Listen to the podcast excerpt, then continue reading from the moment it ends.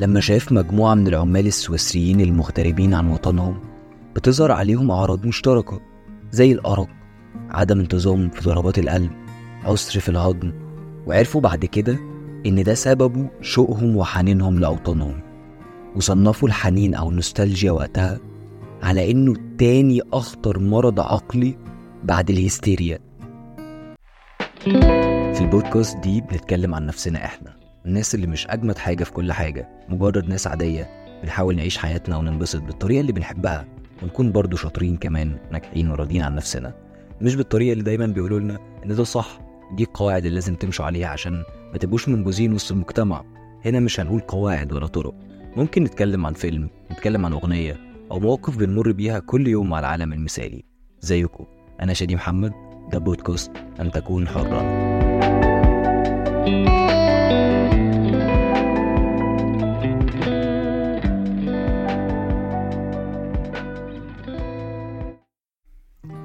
هل تسمعني؟ أنا صوت تلك الأشياء الصغيرة وأنا رائحتها. أنا تلك الطمأنينة وأنا ذلك الفزع. أنا الكلمة التي تختنق بها. أنا العواء الذي يجيء من خلف تلك الجبال. هل تسمعني؟ أنا حفيف العناق وارتطام الفضة ببعضها وصوت الإيقاع في القرآن. أنا الشامة الصغيره التي تحكها لتشمني. أنا قطعة القماش الخضراء المعلقة عند رأس السرير. أنا تلك الأشياء الصغيرة التي تظل تطل برأسها من الشقوق مثل فئران صغيره ونسميها الحنين. كلمات قليله لكنها عميقة جدا. عبر بها الكاتب الفلسطيني إبراهيم جابر إبراهيم عن الحنين. الحنين هذه الكلمة اللي بنسمعها كتير في أغاني في روايات وفي أفلام. هذا الشعور اللي بنحسه كتير في الغالب في وقت متأخر من الليل في فصل الشتاء أكتر بكتير من الصيف. صعب تحس بالحنين وانت في طريقك للشغل الصبح مثلا. الشعور اللي بيبدأ يتسرب ليك أول ما الدنيا تسكت من حواليك بشكل خفيف في الأول وممكن غامر بالسعادة وممكن مؤلم بعد كده. حنينك لوطنك أو حنينك لناس رسمت معاهم جزء من حياتك ووقتك. حنينك لنفسك في فترة ما. من سنين أو في الطفولة صحاب المدرسة الفصل بتاعك حب الطفولة أو شخص ما كملتوش سوا. تحن الوقت كانت عيلتك متجمعة فيه وبتضحكوا من قلبكوا. حنينك لناس عايشين في السما دلوقتي أو حنينك لنفسك.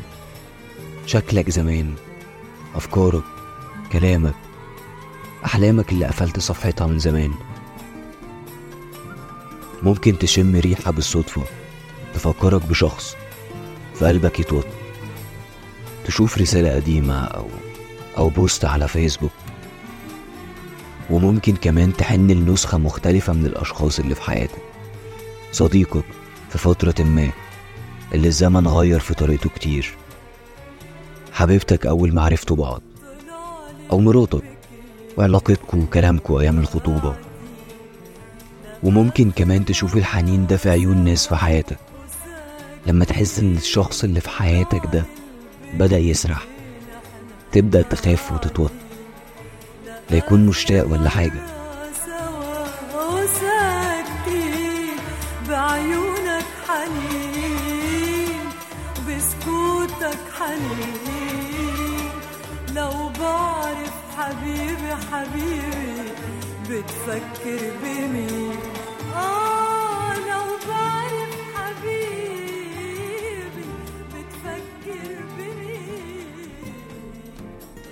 أوقات ده بيحصل لنا لما بنخاف من مرور الوقت.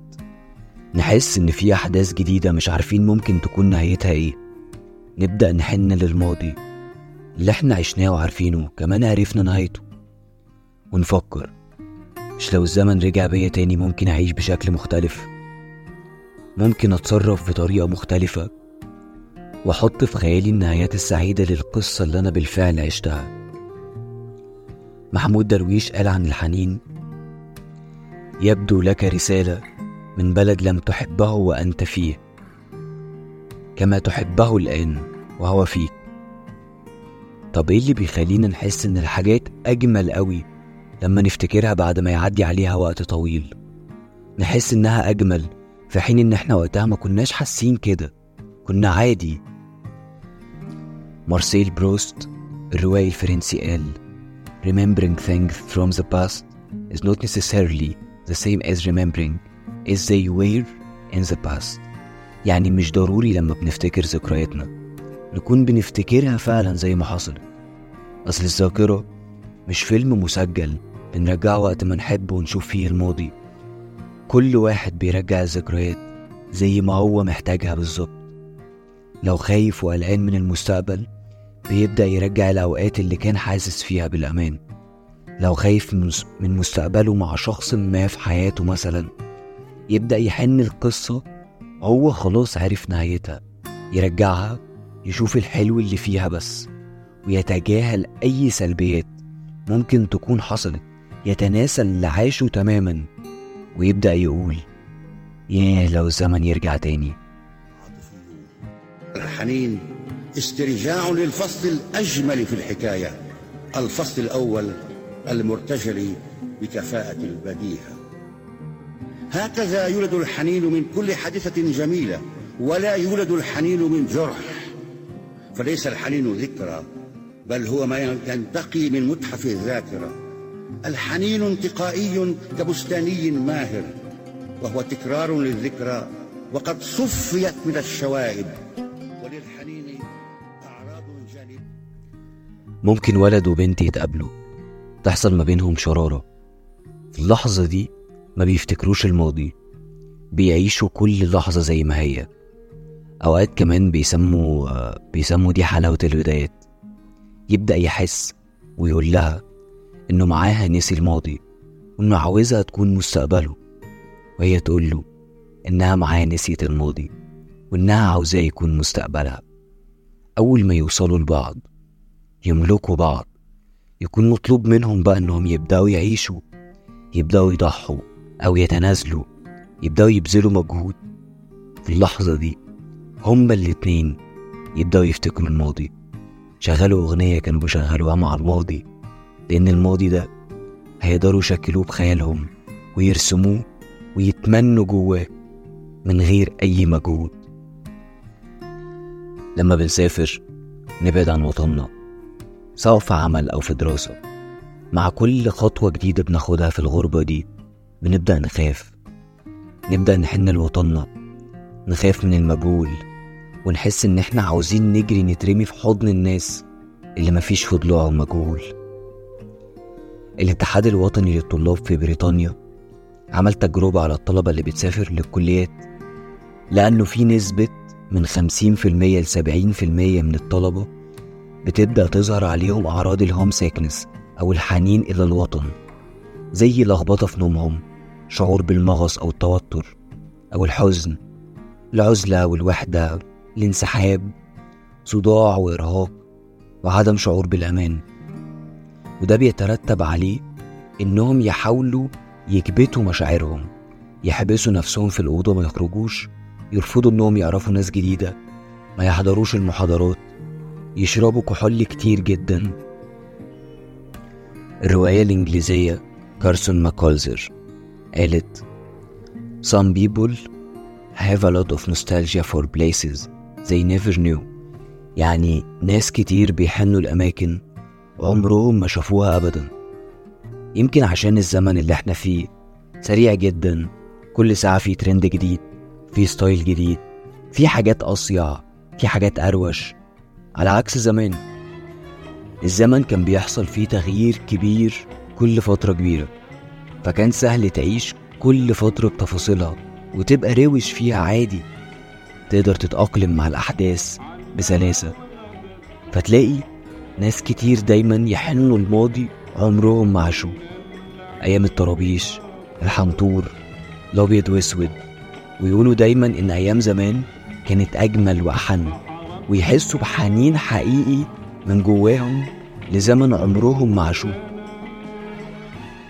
طب هل الحنين لازم دايما دايما يكون للماضي؟ زي ما كارسون ماكولزر قالت إن في ناس بيحنوا لأماكن عمرهم ما شافوها. ففي ناس كمان بتحن للمجهول. الناس اللي ماضيهم صعب ومؤثر على استمتاعهم بالحاضر. أوقات كتير بيحنوا للمستقبل بيعيشوا فيه بيفكروا كل يوم في المستقبل المجهول اللي منتظرينه إن يجي يطبطب عليهم من اللي شافوه ويديهم اللي هم يستحقوه. وأنا طفل صغير اتولدت في قرية كنت بحب الأفلام فلما كنت بطلع على سطح بيتنا أشوف الأضواء بتاعة البلاد البعيدة أوي. كنت بحن لهذا المجهول وقلبي يطير على الأنوار البعيدة دي اللي أكيد فيه عندها حكايات جديدة وكتيرة ومغامرات. كنت بسمع أصوات العربيات النقل التقيلة كده من بعيد أصوات الكلاكسات بتاعتها وقلبي يطير مع هذا البعيد المجهول. في ناس بتخاف من الحاضر تحب تعيش في الماضي وناس بتخاف من الماضي فتحن دايما للمستقبل المجهول. تعالي معي لنصنع الليلة ماضيا مشتركا يقول المريض بالحنين سآتي معك لنصنع غدا مشتركا تقول المصابة بالحب. هي لا تحب الماضي وتريد نسيان الحرب التي انتهت وهو يخاف الغد لأن الحرب لم تنتهي ولأنه لا يريد أن يكبر أكثر. تم اكتشاف متلازمة النوستالجيا أول مرة في القرن ال 18 كان اسمها في بداية ظهورها homesickness أو الحنين إلى الوطن. نوستالجيا كلمة أصلها يوناني ومعناها الحنين للوطن الأم. اكتشف المتلازمة أول مرة طالب في كلية طب اسمه يوهانس هوفر لما شاف مجموعة من العمال السويسريين المغتربين عن وطنهم بتظهر عليهم أعراض مشتركة زي الأرق عدم انتظام في ضربات القلب عسر في الهضم وعرفوا بعد كده إن ده سببه شوقهم وحنينهم لأوطانهم. وصنفوا الحنين أو النوستالجيا وقتها على إنه تاني أخطر مرض عقلي بعد الهستيريا. وبدأت محاولات علاجه سنة سنة 1990 بإنهم يشعروهم بالألم والرعب ويبدأوا يهددوهم بالضرب. أو دفنهم أحياء. لكن في عام 2017 ظهرت دراسات عملتها جامعة سوريا البريطانية إن الحنين ليه برضه فوائد صحية رغم اللي, بيسي... اللي بيسببه من ألم في العاطفة. الدراسات دي قالت إن الحنين بيشحن الدماغ بطاقة إيجابية لأنه بيحرك العواطف جواك وبيحسسك بالانتماء سواء للوطن أو بذكريات أو أشياء من الماضي ولأن الماضي هو فترة أنت عارف أحداثها البدايات والنهايات. فتقدر من خلال الماضي تحس ببعض الأمان والراحة النفسية زي ممارسة التأمل أو اليوجا.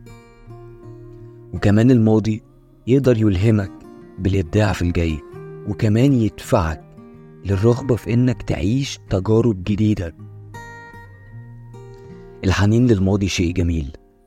بيحرك جوانا العاطفة. وأوقات في وسط صعوبة الحياة وجديتها بيكون الحنين هو الشيء الوحيد اللي بيحسسنا بالعاطفة. لكن المشكلة كلها في إدمان الحنين إدمان الهروب من الواقع بالحنين للماضي اللي انت خلاص عرفت بدايته ونهايته. أوقات خوفنا من المجهول أو الحاضر بيخلينا نحبس نفسنا دايما في الماضي ونهرب ليه. ممكن تلاقي راجل كبير وبيعيش مراهقة متأخرة في لبسه أو في كلامه. وممكن يخلي كمان شخص يفقد عقله يحصل له إنكار للأحداث اللي حصلت بالفعل ولسه بتحصل. لأن الحنين أو النوستالجيا هي آلية من آليات الدفاع عن النفس بالهروب للماضي أو الهروب من الحاضر بالتطلع كل يوم لبكرة أو للمستقبل. مفيش مشكلة نحن للماضي أو نفكر في المستقبل. بس الأهم من كل ده إحنا محتاجين نعيش اللحظة دي محتاجين نعيش النهاردة محتاجين نعالج توترنا أو قلقنا بحاجات حقيقية نعملها.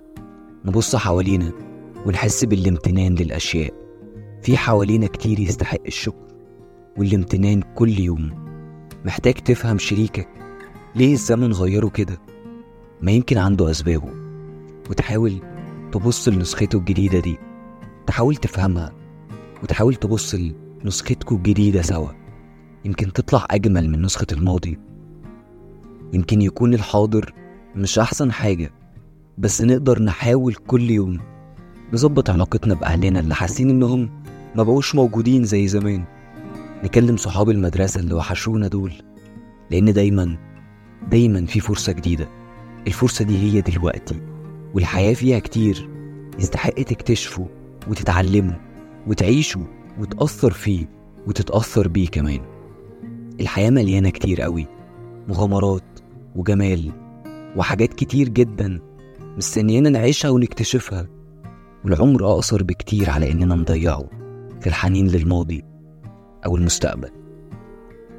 حلقة النهاردة خلصت. لو عايز نكمل ممكن تديني إشارة إنك موجود بفولو أو شير أو أي إشارة يعني.